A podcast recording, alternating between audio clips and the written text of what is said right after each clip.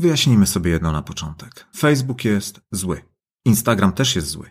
Wszyscy to wiedzą i wszystkim to się podoba. Nawet tobie. I weź mi tu nie zaprzeczaj, tylko słuchaj dalej. O tobie też będzie. Cierpliwości, cierpliwości.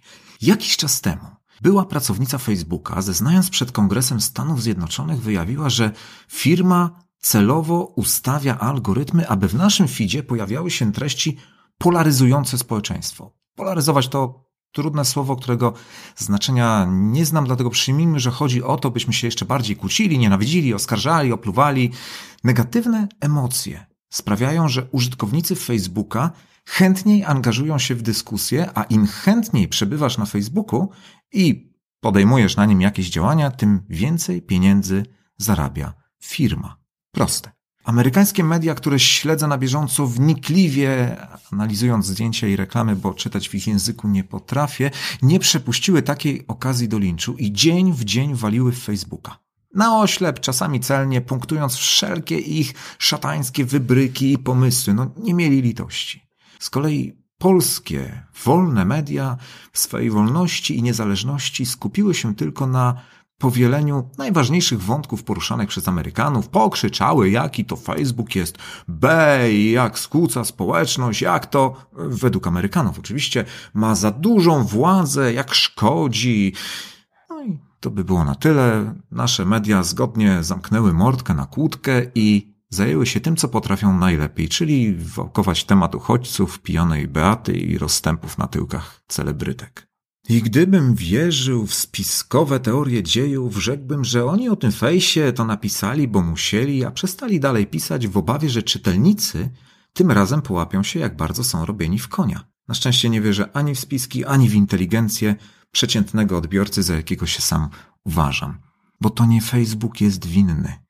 Tak, to prawda, negatywne emocje mają zbawienny wpływ na zaangażowanie. Uczę tego na każdym moim szkoleniu. Emocje budują zasięgi. Zwłaszcza te negatywne emocje, choć akurat jest bardzo wiele powodów, dla których stanowczo odradzam budowanie marki na negatywnych emocjach. One powinny być przyprawą, nie zaś daniem głównym. W przypadku influencerów rzecz jasna. W przypadku mediów jest trochę inaczej, o czym możesz przekonać się samemu, wchodząc na dowolny portal Onet, WP, Gazeta.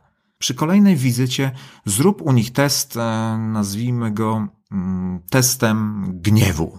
Fajna nazwa, test gniewu. Przejrzyj kilkadziesiąt, bo tyle zwykle widać po wejściu na stronę, tytułów newsów i policz, ile z nich nie ma, nie ma na celu wywołania w odbiorcy, niekoniecznie w tobie, negatywnych emocji.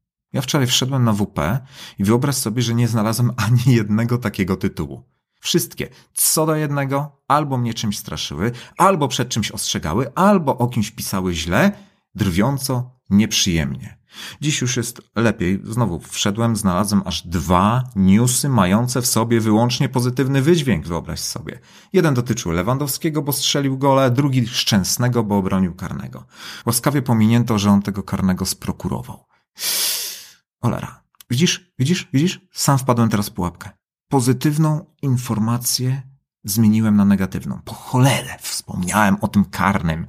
Dam sobie za to klapsa na gołą pupę, ale to później, bo musimy wrócić do mediów i do tego, że Facebook nie jest winny. Oczywiście nie jest winny. Użytkownicy Facebooka nie są tak zwanym źródłem informacji w swoim klasycznym znaczeniu. Naszym źródłem informacji są media. I to z nich spływają do serwisów społecznościowych komunikaty nacechowane emocjami z narracją zgodną z polityką danego serwisu. Wiesz, w dawnych czasach istniało coś mm, tak na upartego. Na upartego istniało coś, co można było nazywać obiektywną informacją. Rolę takich źródeł pełniły wtedy agencje prasowe, teoretycznie, no bo u nas była i wciąż jest Polska Agencja Prasowa i ona za czasów komuny była partyjną tubą propagandową, a za czasów rządów Prawa i Sprawiedliwości też jest tubą propagandową. W każdym razie, daleko jej do bycia obiektywnym źródłem informacji i uczciwie trzeba przyznać, że zachodnie agencje też nie owijają w bawełnę i teraz daleko im do obiektywizmu. Te czasy już się skończyły. Zatem zło nie rodzi się na Facebooku. Ono się na nim tylko rozprzestrzenia. Rodzi się w mediach, o czym możesz przekonać się robiąc test gniewu. Trudno się dziwić, że ludzie powielają negatywne informacje, bo co innego mają powielać? Waż, oni, oni nawet nie wiedzą, że powielają negatywne informacje. Masz czasami tak, że jak wchodzisz do cudzego mieszkania, to czujesz zapach?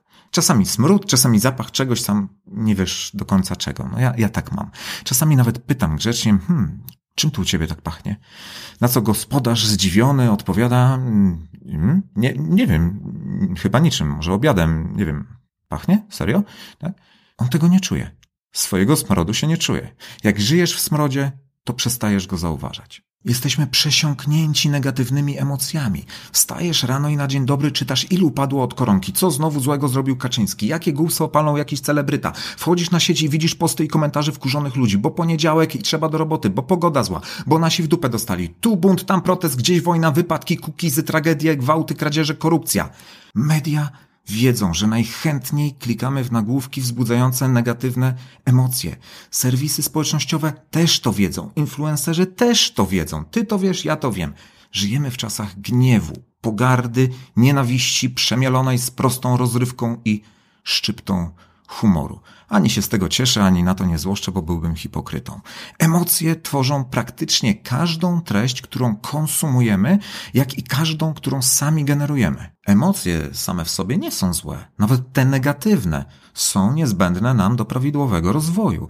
Niestety mamy szczęście żyć na samym początku historii mediów społecznościowych i jeszcze jesteśmy ślepi na skutki przesycania nas negatywnymi emocjami, ale praktycznie każda osoba skupiająca wokół siebie jakąś społeczność, dajmy na to około tysiąca lub więcej ludzi, każda taka osoba regularnie i czasami dotkliwie odczuwa te skutki na własnej skórze, po komentarzach naszych widzów i czytelników. Bywa, że sami się o to prosimy. Jeśli świadomie wkładamy kija w mrowisko, to nie możemy się dziwić, że mrówki się wkurzą.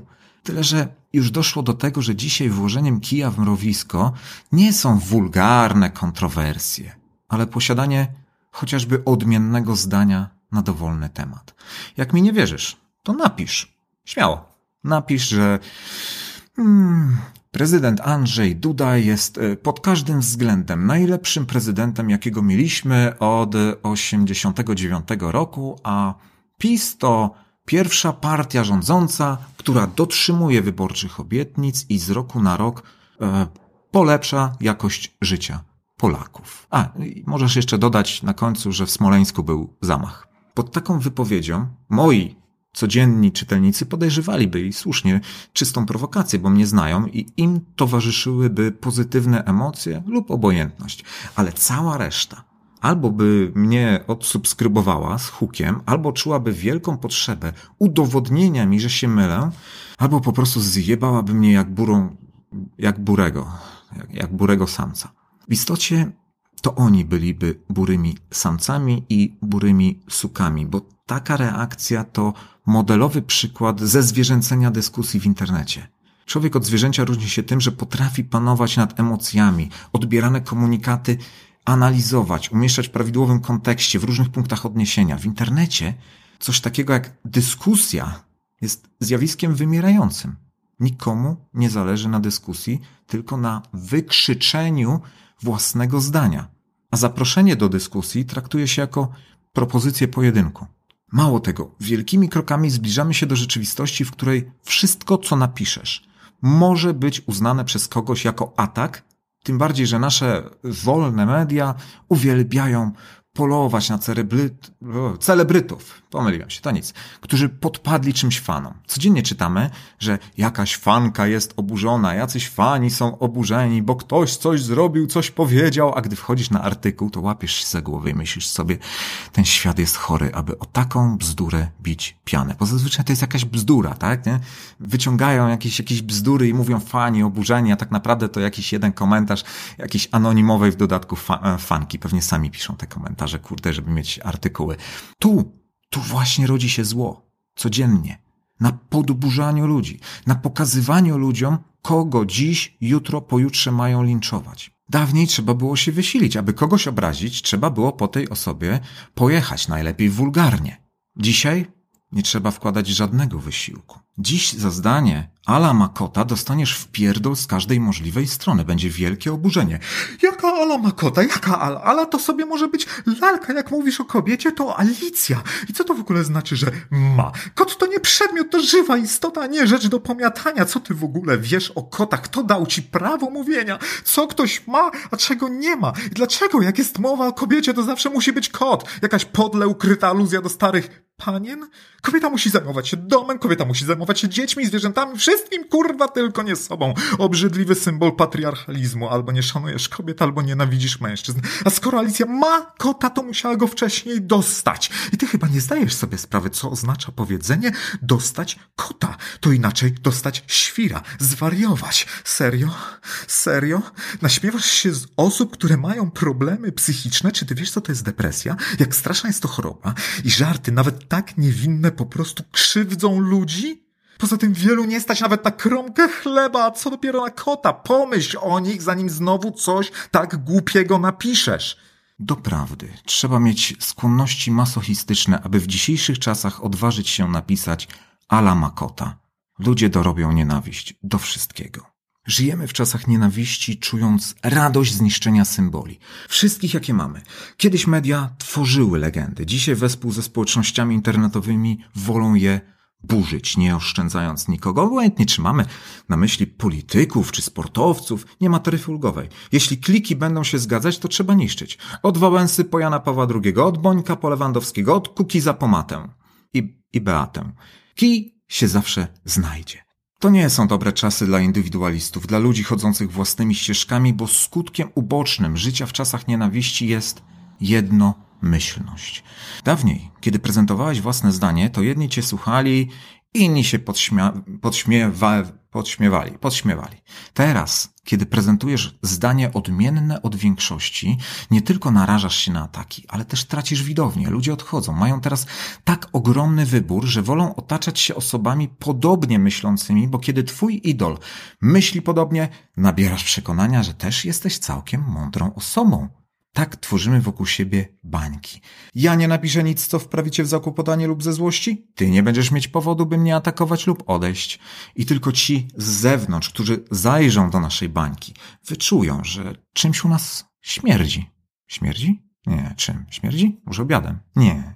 Tworzymy bańki, będąc częścią większych baniek. Uważamy się za mądrzejszych, inteligentniejszych od przeciętnego człowieka. Wydaje nam się, że mamy własne zdanie, ale wiesz, nie przypominam sobie, kiedy ostatnim razem społeczności internetowe miały jakiekolwiek, w jakiejkolwiek sprawie inne zdanie niż to serwowane przez mainstreamowe media. Kiedy ostatnim razem społeczeństwo, niech będzie, dobra, ograniczmy ich tylko do użytkowników internetu, zbuntowało się przeciwko mainstreamowym mediom? Nie przypominam sobie, może mam z tobą pamięć, ale ja sobie nie przypominam czegoś takiego. Cholera, to te media jednak są prawdomówne? I uczciwe i nigdy się nie mylą? A jak głupi zwątpiłem.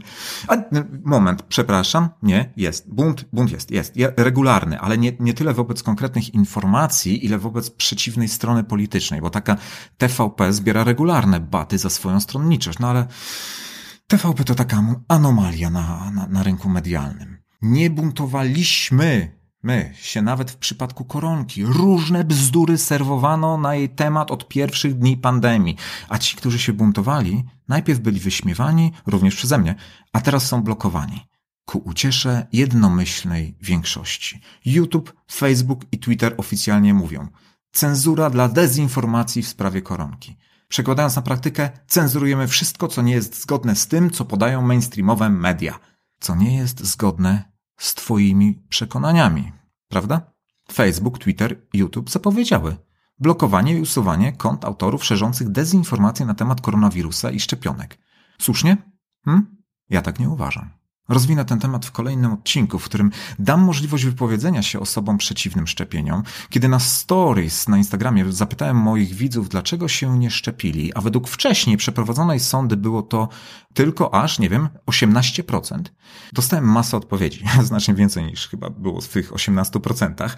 Naprawdę masa. To od wielu miesięcy tak wiele osób do mnie nie napisało na Instagramie. To wyglądało tak, jakby w końcu mogli wydusić z siebie bez obaw, że ich ktoś zgnoi. Dlaczego są przeciwnikami szczepień? Ode mnie dostali gwarancję nietykalności. Takich jak oni jest więcej.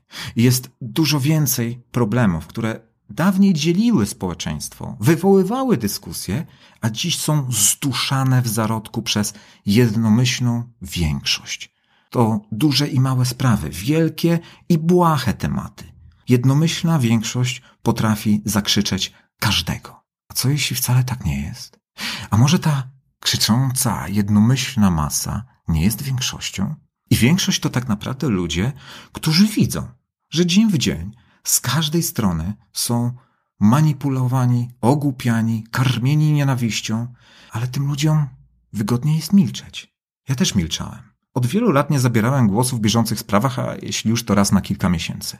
Może ty też wolisz milczeć i razem należymy do milczącej większości. Byłoby zajebiście, nie? Może się nawet o tym przekonamy, o ile wystarczy mi zapału. Może ta dyskretna jedynka, którą widzisz w okolicach tytułu, to tylko początek. Celowo wziąłem ten temat na tapet, bo on jest dobrym początkiem, bardzo dobrym początkiem. Jest takim wierzchołkiem góry lodowej, rozgałęzia się na niezliczone tematy i problemy, które warto zgłębić, nawet te błahe. Świata nie zmienimy, ale może uda się o nim porozmawiać. Zobaczymy. I to tyle na dziś. Love you.